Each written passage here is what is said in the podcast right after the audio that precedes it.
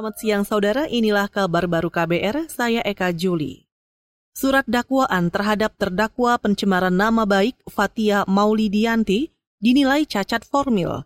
Itu disampaikan penasehat hukum Fatia Andi Rezaldi dalam sidang eksepsi kasus pencemaran nama baik Menko Marves Luhut Panjaitan di Pengadilan Negeri Jakarta Timur siang ini. Pokok-pokok nota keberatan atau eksepsi. Bahwa nota keberatan kami terhadap surat dakwaan jaksa penuntut umum adalah sebagai berikut. A.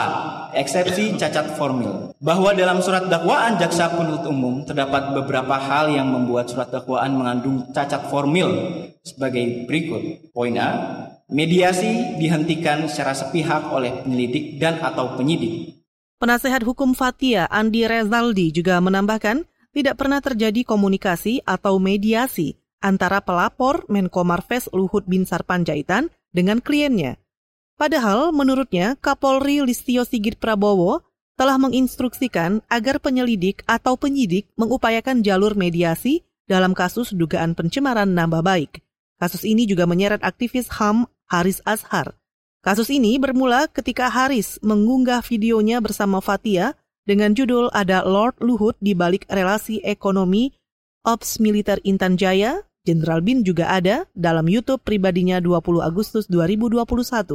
Luhut yang tidak terima lalu melaporkan Haris dan Fatia atas dugaan pencemaran nama baik. Masih dari informasi hukum, Saudara, Panglima TNI Yudo Margono hari ini berencana terbang ke Papua usai prajuritnya tewas dalam insiden baku tembak. Insiden itu terjadi pada akhir pekan lalu saat operasi penyelamatan pilot Susi Air Philip Martens.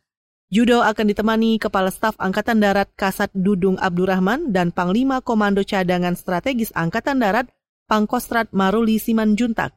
Berikut pernyataan juru bicara Mabes TNI Julius Wijojono. Kemungkinan Panglima TNI ke depan adalah untuk melakukan evaluasi mendalam berkaitan dengan peristiwa ini. Sebelumnya, saudara prajurit TNI atas nama Pratu Miftahul Arifin tewas dalam operasi penyelamatan pilot Susi Air di area Nduga, Papua Pegunungan, Sabtu sore kemarin.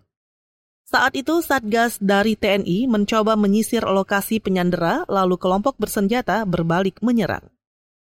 Kita beralih ke informasi eko ekonomi.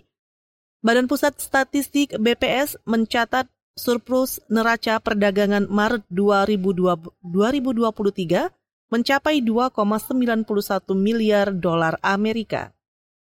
Ini merupakan catatan surplus selama 35 bulan berturut-turut sejak Mei 2020. Deputi Bidang Metodologi dan Informasi Statistik BPS, Imam Mahdi mengatakan, nilai ekspor Indonesia mencapai 23,5 miliar dolar Amerika Serikat lebih tinggi dibanding impor 20 miliar dolar Amerika Serikat. Namun kita lihat bahwa surplus pada Maret 2023 ini sebenarnya cukup melemah ya apabila kita bandingkan dengan bulan sebelumnya. Deputi Bidang Metodologi dan Informasi BPS Imam Mahdi juga menambahkan, neraca dagang non-migas tercatat surplus 4,5 miliar dolar Amerika Serikat tiga komoditas penyumbang surplus, yaitu bahan bakar, mineral, lemak, dan juga minyak hewan atau nabati, serta besi dan baja. Sedangkan neraca dagang migas defisit 1,6 dolar Amerika Serikat.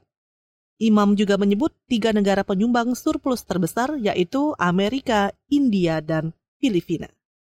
Saudara demikian kabar baru, saya Eka Juli.